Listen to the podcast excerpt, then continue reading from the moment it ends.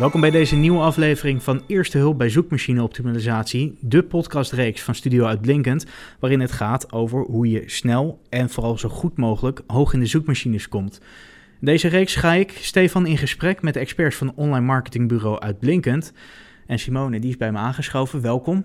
Leuk, dankjewel. En we hadden het eerder al over zoekwoordonderzoek en de zoekwoorden, de soorten en hoe je achter de zoekwoorden voor jouw website komt. Ja, en dan nu vooral, hoe ga je die zoekwoorden in je website verwerken? Dus komen we bij de content aan. Ja, dat is een mooie opvolging van de vorige podcast. daarin hebben we inderdaad ons vooral gericht op de zoektermen die we uiteindelijk op de pagina's gaan gebruiken. Maar hoe richt je die inderdaad daadwerkelijk in? Ja, nou dat is dan gelijk de vraag aan jou. Hoe richt je die in? Hoe ga je ermee aan de slag? Je pagina start je met de URL.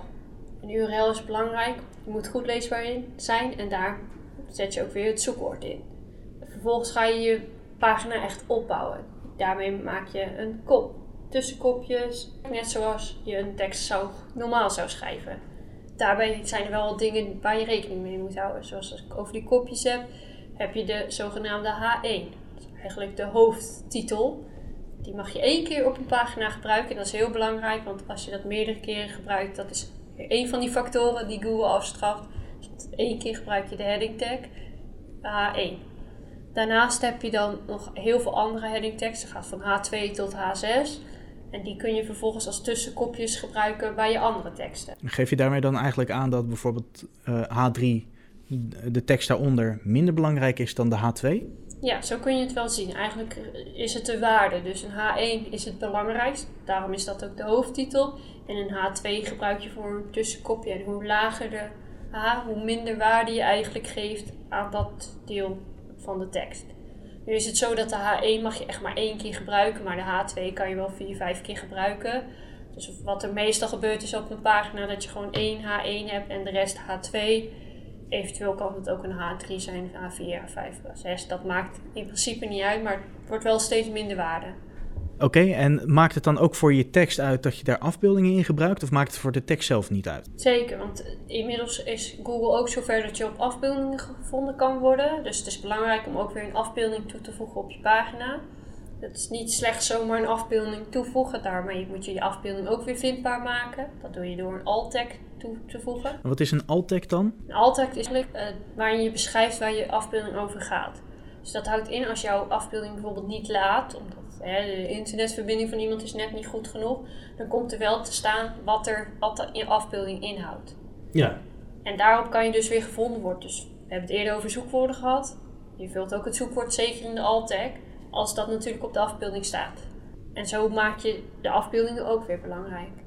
Oké, en is er dan ook een bepaalde hoeveelheid afbeeldingen die wordt aangeraden? Er is niet zozeer een hoeveelheid die je moet gebruiken, wat wij altijd doen is kijken naar je tekst. Dus je begint met je titel, de eerste alinea. Um, dan komt er een conversieknop. Misschien ook nog leuk om zo even iets dieper op in te gaan. En dan ga je bijvoorbeeld je afbeelding en dan komt de rest van je alinea's. Maar het hangt vanaf hoe lang is je tekst, dus hoeveel afbeelding en wat is de toegevoegde waarde van een afbeelding. Ja, dus de, de tip is wel om alleen afbeeldingen toe te voegen als ze wel echt toegevoegde waarde daarin hebben. Zeker. Ze moeten echt aansluiten op je, op je tekst. Ja, en je noemde hem net al, de conversieknop. Wat is dat dan en wat is het nut? De conversieknop is de call to action. Dat is gewoon letterlijk echt een knop, wat naam ook doet vermoeden.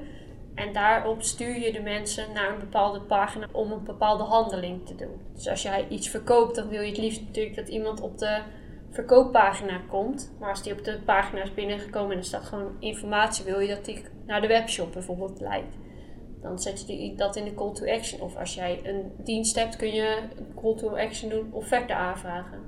Waarbij iemand dus een offerte aan kan vragen omdat hij naar die pagina gaat. En met conversieknoppen is het vaak belangrijk, na de eerste alinea voeg je die toe. Want de meeste mensen lezen helaas alleen de eerste alinea. En daarnaast doe je hem helemaal onderaan je pagina voor de mensen die wel de moeite nemen om heel je pagina te lezen. Ja, met die knop maak je het eigenlijk ook een stuk laagdrempeliger. Ja, en je kan de knop net zo laagdrempelig maken als je wilt. Dus je zou ook een telefoonnummer, terugpelverzoek, waarbij mensen minder informatie achter laten. Het is net het doel wat je met je website hebt. Daarop kun je je call to action eigenlijk aanpassen. Ja, en om er even een voorbeeld van te maken. Eerder hadden we het bij de zoekwoorden over het voorbeeld de bakker in Gorkum die dan uh, appeltaarten in Gorkum zich daarop richt, dan zou je in zo'n tekst juist na de eerste alinea een bestelknop bijvoorbeeld doen. Ja, koop hier uw appeltaart. En wat dan ook nog belangrijk is bij zo'n call to action, is dat je zorgt dat het echt een opvallende knop is. Dus vaak wil je hem gelijkwaardig doen met de rest van je website, want het past mooi met de kleurcontrasten. Maar het is juist goed om een totaal andere tegenovergestelde kleur te gebruiken, omdat die meer opvalt. Dus als jij een hele website hebt die zwart met wit is en je doet de knop weer zwart, dan gaat hij er niet uitspringen. Maar doe je hem oranje, dan wordt dat te getriggerd. De mensen kijken daarnaar. Dus dat is ook belangrijk met de knop. En maak hem gewoon concreet wat je ermee kan. Ja, en is het daarbij ook handig dat bijvoorbeeld bij die taarten, dat je bestel uw appeltaart hier, dat je zoekwoord erin verwerkt, of maakt dat voor de knop zelf niet uit? Mijn advies zou altijd zijn om de knop gewoon duidelijk te maken. Dus ik zou daarin niet te veel de focus leggen op het zoekwoord. Dus op zich bestel hier is ook prima. Maak hem niet te lang en niet te moeilijk.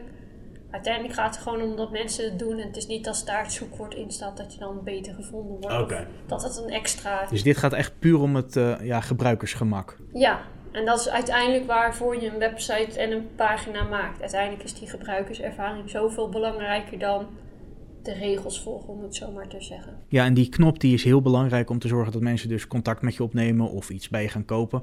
Zijn er meer van deze ja, handige trucs die je toe kan passen? Ja, wat altijd belangrijk is, dat je bijvoorbeeld op de, in de footer een contactformulier zet of een andere manier van contact opnemen, zodat het laagdrempelig is voor mensen om contact op te nemen of een bestelling te doen. Dus uiteindelijk met de hele conversie is natuurlijk gericht dat iemand een bestelling gaat doen of een aanvraag. Dus zo richt je die pagina wel in. En er zijn heel veel verschillende manieren. Het is net het doel dat je hebt een conversieaanvraag kan ook zijn een nieuwsbericht. Meld je aan voor een nieuwsbericht waarbij je vervolgens klanten kunt informeren. Dus er zijn heel veel mogelijkheden voor conversie. Het hoeft niet per se een offerte aanvraag of een bestelling te zijn. Dat is net wat het doel is van je pagina en website. Ja, en ik denk dat je daarmee ook wel ja, moet matigen. Niet dat je te veel verschillende dingen op één pagina gaat zetten, toch? Nee, want je wilt mensen een bepaalde richting op. Dus uiteindelijk heeft elke ondernemer een bepaald doel het liefst. Dus uh, als je een webshop hebt, heb je liever dat ze gelijk naar de webshop gaan dan dat ze eerst contact opnemen. Want het kost je uiteindelijk meer als ze met je klantenservice in gesprek gaan dan dat ze gelijk de bestelling doen. Dus zo kun je hem wel inzetten. Wat wij daarbij vaak ook doen is AB-testing om te kijken welke knop werkt er nou het beste voor deze organisatie. Ja, en wat is dat AB-testing? Kan je dat eens wat eh, verder uitleggen? Ja, dat is bijvoorbeeld dat je op de ene pagina krijgen mensen de terugbelverzoek en op de andere pagina doen ze een contactaanvraag. Waarbij je bij contactaanvraag van tevoren al wat meer informatie van de klant hebt, dus vaak al wat gerichter diegene te woord kan staan. Waarbij een terugbelverzoek juist heel laagdrempelig is, waarom, waarbij iemand alleen maar zijn telefoonnummer hoeft achter te laten. Dus dat kan soms beter werken. Dus met AB-testing kijk je eigenlijk gewoon wat het beste werkt voor jouw website. Ja, en dat is dan ook iets wat heel marketingbreed wordt toegepast, toch? Dat soort testen dan? Ja, nu hebben we het gericht even op de conversie, maar je kan natuurlijk alles AB-testing doen. Dat kan al ook zijn met bijvoorbeeld de kleur van de knop. Dat zou eigenlijk ook een hele goede tip zijn, inderdaad. Want je vertelde net dat je eigenlijk die tegengestelde kleuren moet gebruiken. Stel, heel je website is geel, dan moet je geen gele knop. Ook oranje eigenlijk niet, een lekker felle kleur. Maar het is dan handig om dat ook gewoon te testen. Eigenlijk is dat de tip gewoon voor alles. Uitproberen. Zeker. Dat is denk ik de grootste tip die je kunt hebben. En verder, als we naar de pagina kijken, wat nog belangrijk is, is onder andere de meta description. Dus dat is dat je vertelt waar je, waar je pagina over gaat. Elke pagina heeft een unieke meta description. Wat we nog vaak tegenkomen is dat elke pagina op de website dezelfde heeft. Terwijl de pagina gaat niet continu over hetzelfde. Dus als je gericht hebt over appeltaart, dan moet in de meta description dat ook terugkomen. Daarbij zit je wel weer gebonden aan 160 karakters. Dus je hebt een bepaalde afmeting waaraan dat uh, moet voldoen. Ja, het belangrijkste is dus dat het belangrijkste onderwerp van die pagina, wat vaak ook het zoekwoord is, dat dat ook in die meta-description terugkomt. Ja, en wat daarbij ook nog belangrijk is, wat soms mensen vergeten, is heel gefocust op het zoekwoord toevoegen. Maar uiteindelijk is het de manier om iemand naar je website te trekken. Want de meta description wordt getoond in de Google zoekresultaten. Dus als je in Google iets intypt, zie je altijd de bedrijfsnaam, de URL en daaronder zie je altijd een tekst. Mhm. hoe wervelender je die schrijft, hoe meer kans dat iemand daarop klikt. Want die ziet tien zoekresultaten onder elkaar en die gaat toch naar het tekstje daaronder kijken om te bepalen op welke die gaat klikken. Dus het heeft ook wel echt een toegevoegde waarde om die uniek te maken voor elke pagina. Ja, dus eigenlijk dat soort kleine details die je snel over het hoofd ziet, die zijn misschien nog wel het belangrijkste van alles. Ja, er wordt vaak heel veel focus gelegd op de inhoud van de pagina. De zaken eromheen zijn net zo belangrijk. Wat we eerder zeiden, de URL, page-titel, die moet je invullen, meta description, de H1'tjes, afbeelding. Het zijn heel veel verschillende punten waarbij je ja, het verschil kan maken.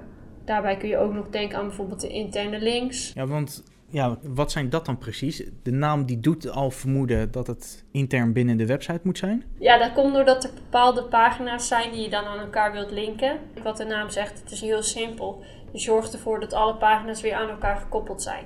Dus als jij over appeltaarten schrijft en iemand heeft toch geen trek in appeltaart, dan kun je ook een, een interne linkstructuur maken dat iemand ook een slagroomtaart kan klikken. Dus eigenlijk helpen die links iemand een soort wegwijs te maken in de website? Ja, en je versterkt daarmee alle pagina's door ze aan elkaar te linken. En zeker als je landingspagina's schrijft, die heb je niet in je menu staan, maar die wil je wel dat gevonden worden.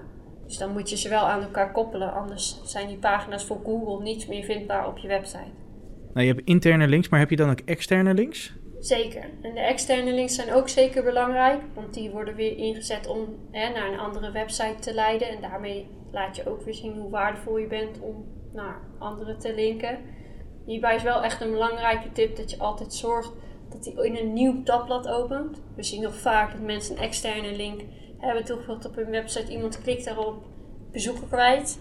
Dat is echt heel zonde om... Uh... Ja, ook wel schat inderdaad. Dan klik je even door en dan ben je heel de website waarop je zat, ben je helemaal kwijt. Ja, en dat is natuurlijk wat je als organisatie niet wilt. Dat is het laatste wat je wil. Ja, en andersom kan natuurlijk ook dat een andere website een externe link plaatst naar jouw website. Heb je daar profijt van, behalve dan af en toe eens iemand die doorklikt? Dat hangt er vanaf wie er naar je doorlinkt. Dat noemen ze ook wel linkbuilding, zullen we het vast in een andere aflevering ook nog verder over gaan hebben. Maar het gaat wel om wie iets zegt. Dat is hetzelfde als uh, zomaar iemand op straat iets tegen jou zegt of je buurman of vriend die buurman of vriend, daar hecht je gewoon meer waarde aan, aan die mening. En dat is eigenlijk met links ook. Dus als het een website is die meer status heeft, meer bekend is. Dus als de gemeente naar je bijvoorbeeld doet, is dat heel anders dan dat je vriend in een totaal andere branche naar jou linkt. Die zijn dan iets minder waardevol. Dus als je dat doet, is het altijd wel belangrijk om te kijken wie linkt er naar je en sluit dat ook aan op je profiel.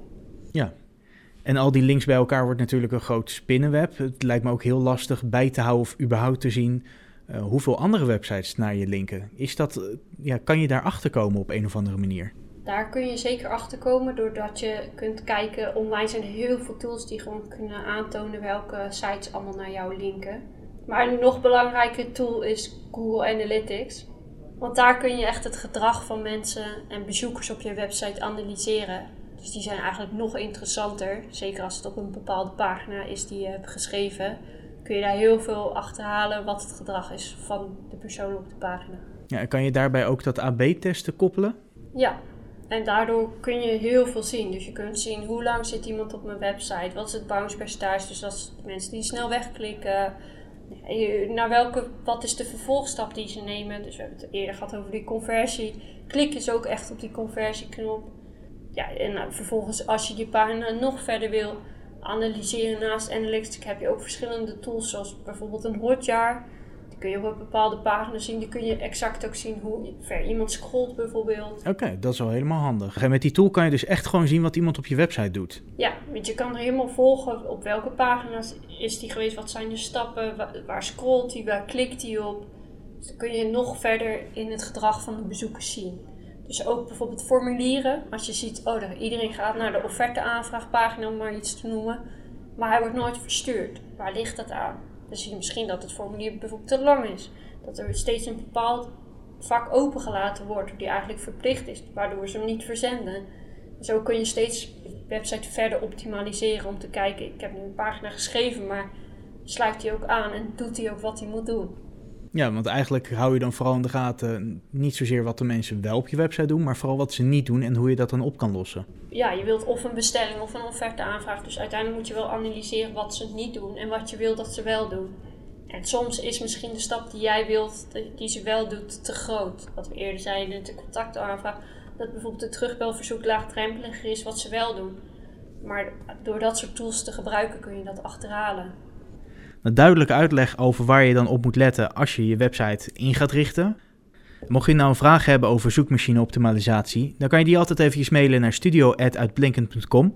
Je krijgt altijd van ons een antwoord en later in deze podcastreeks dan gaan we ook verschillende vragen in podcast behandelen. Maar sowieso krijg je per mail een antwoord van ons.